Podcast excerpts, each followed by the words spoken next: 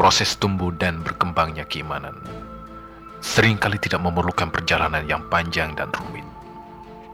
Begitulah yang terjadi terhadap Farwa bin Amr al-Judami.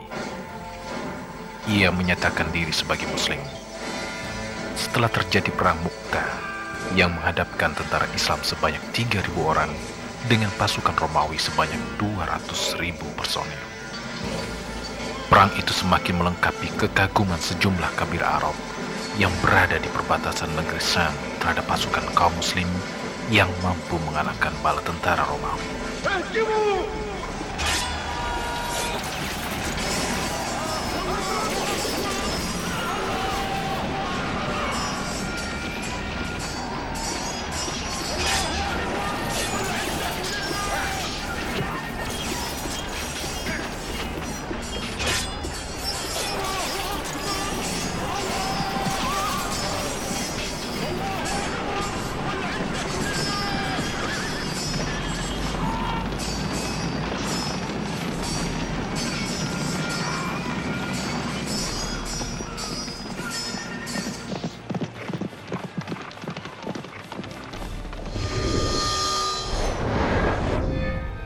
Pernyataan keimanan Farwah bin Amr al-Judami membuat Kaisar Heraklius marah besar. Sebab semula, ia adalah seorang komandan pasukan Romawi yang telah dikalahkan oleh tentara kaum muslim. Farwah kemudian ditangkap dengan tuduhan sebagai pengkhianat yang dapat dijatuhi hukuman mati.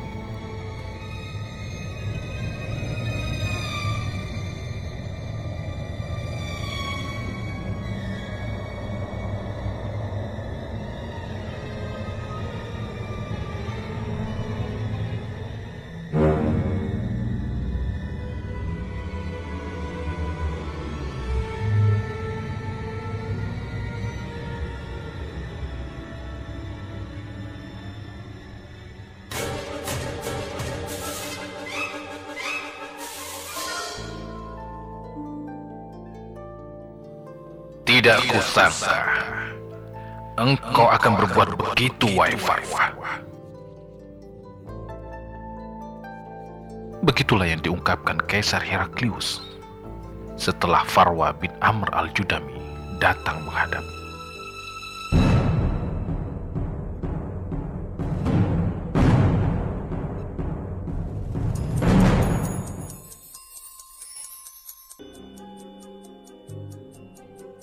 Apa yang membuat engkau memeluk Islam dan kau meninggalkan agama Nasrani? Dengan begitu, engkau telah berkhianat kepada Romawi. Mendengar ucapan yang keluar dari mulut Kaisar Heraklius, Farwah bin Amr al-Judami tidak mengeluarkan sepatah kata pun. Ia terdiam.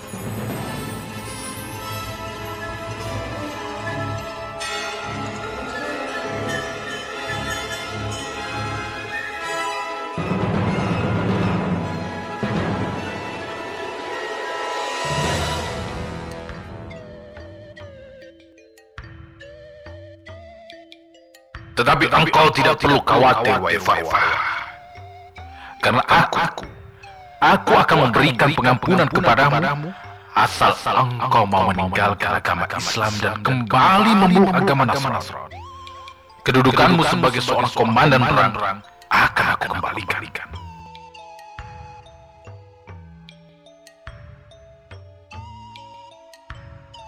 Farwah bin Amr al-Judami kemudian membuka suara.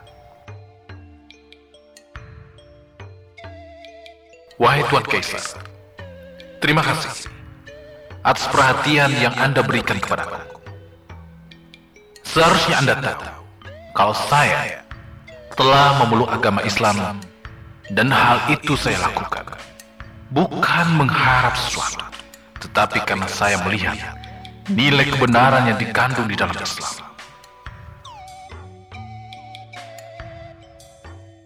Perkataan Farwah bin Amr al-Judami itu menunjukkan tingkat keimanan yang mantap. Padahal ia mengenal agama Islam tidak secara langsung dan belum begitu lama. Pernyataan itu pula yang membuat Kaisar Heraklius semakin bertambah marah.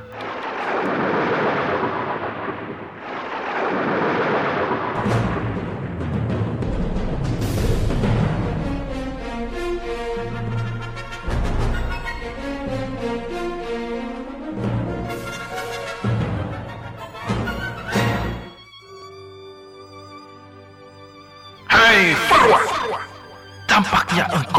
orang yang tidak tahu berterima kasih dan tak tahu diri. Kelihatannya engkau memang ingin dipenjarakan dan ingin menerima siksaan-siksaan yang menyakitkan. Kalau begitu, baiklah.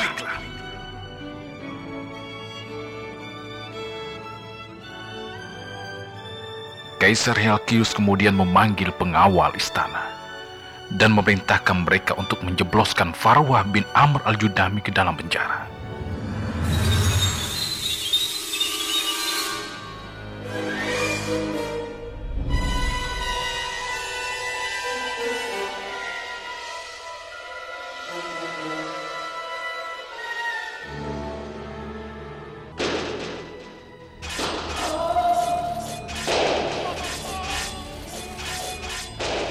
Dalam penjara yang telah disiapkan itu, ia mengalami berbagai macam siksaan yang hebat. Kaki dan tangannya diborgol dengan rantai-rantai yang kokoh.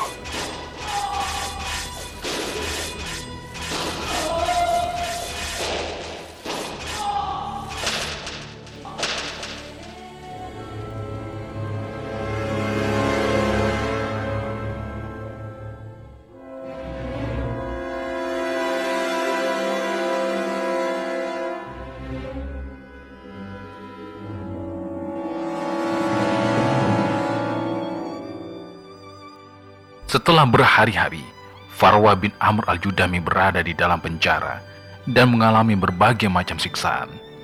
Ia kemudian diseret keluar untuk menghadap Kaisar Heraklius. Sedangkan Borgol masih membelenggu kedua tangan dan kedua kakinya.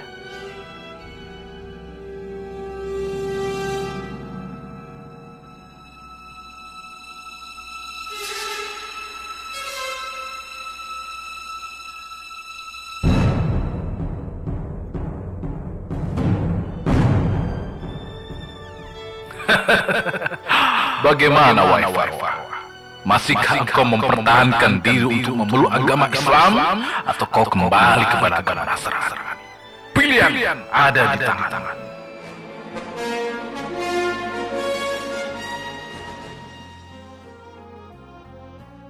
Begitulah yang dikatakan oleh Kaisar Heraklius. Farwa tidak dapat berkata apa-apa. Sesekali ia menahan rasa sakit akibat luka-luka di tubuhnya yang menganga.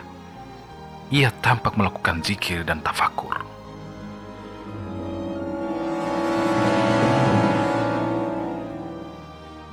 Bagaimana dengan siksaan yang telah engkau terima, wahai Tampaknya engkau mengalami siksaan yang luar biasa.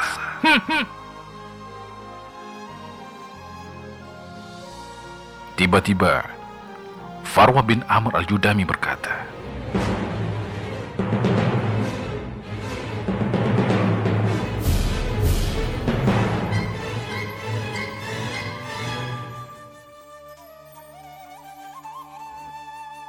Tuan Kaisar, sisaan yang saya terima memang sangat menyakitkan. Tetapi bagi saya, agama Islam adalah segala-galanya. Tidak mungkin saya akan melepaskannya kembali. Tidak mungkin.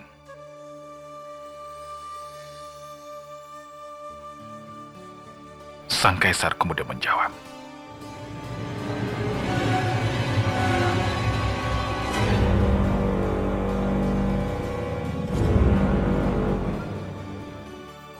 Baiklah, baiklah Farwa kalau begitu. Baiklah.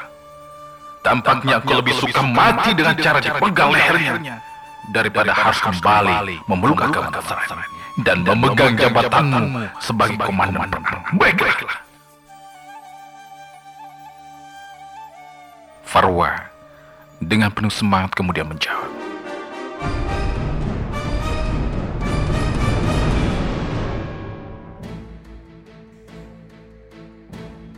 Wahai Tuan Kaisar, mati dalam mempertahankan keyakinan lebih baik bagi saya Dan itu adalah satu kemuliaan. Satu kemuliaan bagi saya, andai kata saya mati dalam keadaan Islam. Farwa bin Amr al-Judami tetap bertahan dalam pendiriannya untuk tidak melepaskan Islam, walaupun dibujuk dengan lemah lembut, serta diiming-imingi dengan kenikmatan dunia, dan diancam dengan kasar, kemudian ditakut-takuti dengan siksaan dan hukuman mati. Habislah sudah kesabaran Kaisar Heraklius. Usahanya untuk mengembalikan Farwah bin Amr al-Judami tidak berhasil. Diputuskan hukuman mati bagi Farwah dengan cara dipenggal lehernya.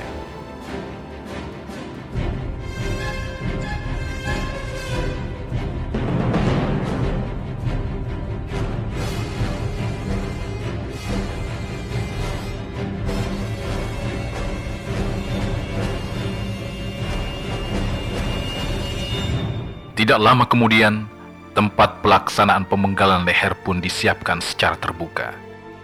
Siapa saja dapat menyaksikan secara langsung. Bahkan Kaisar Heraklius mengeluarkan ultimatum bahwa siapa saja yang berbuat seperti Farwah bin Amr al-Judami akan diperlakukan sama, yaitu dihukum mati dengan cara dipenggal lehernya. Dijalaninya hukuman mati itu oleh Farwa bin Amr al-Judami. Sementara Kaisar Heraklius menyaksikannya dengan senyuman sinis. Ia berpikir bahwa pasti tidak akan ada lagi yang seperti Farwa. Apalagi penduduk telah diancam hukum mati dengan pemenggalan leher.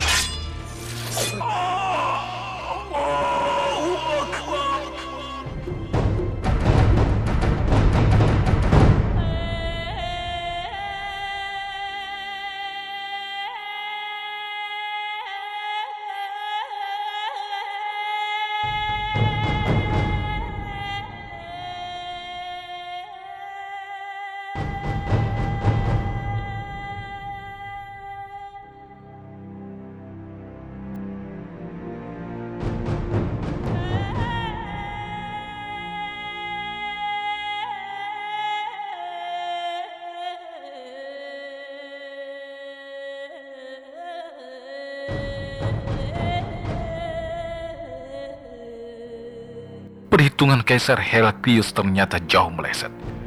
Keputusan untuk memenggal leher Farwah bin Amr al-Judami dan mengancam penduduk ternyata justru memberikan pengaruh sangat besar terhadap sejumlah orang dari kabilah Najd, suatu suku yang berada di wilayah perbatasan antara Sam dan Irak.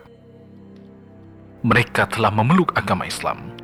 Hal itu membuat kedudukan kerajaan Bizantium goyah dan terancam kehancurannya.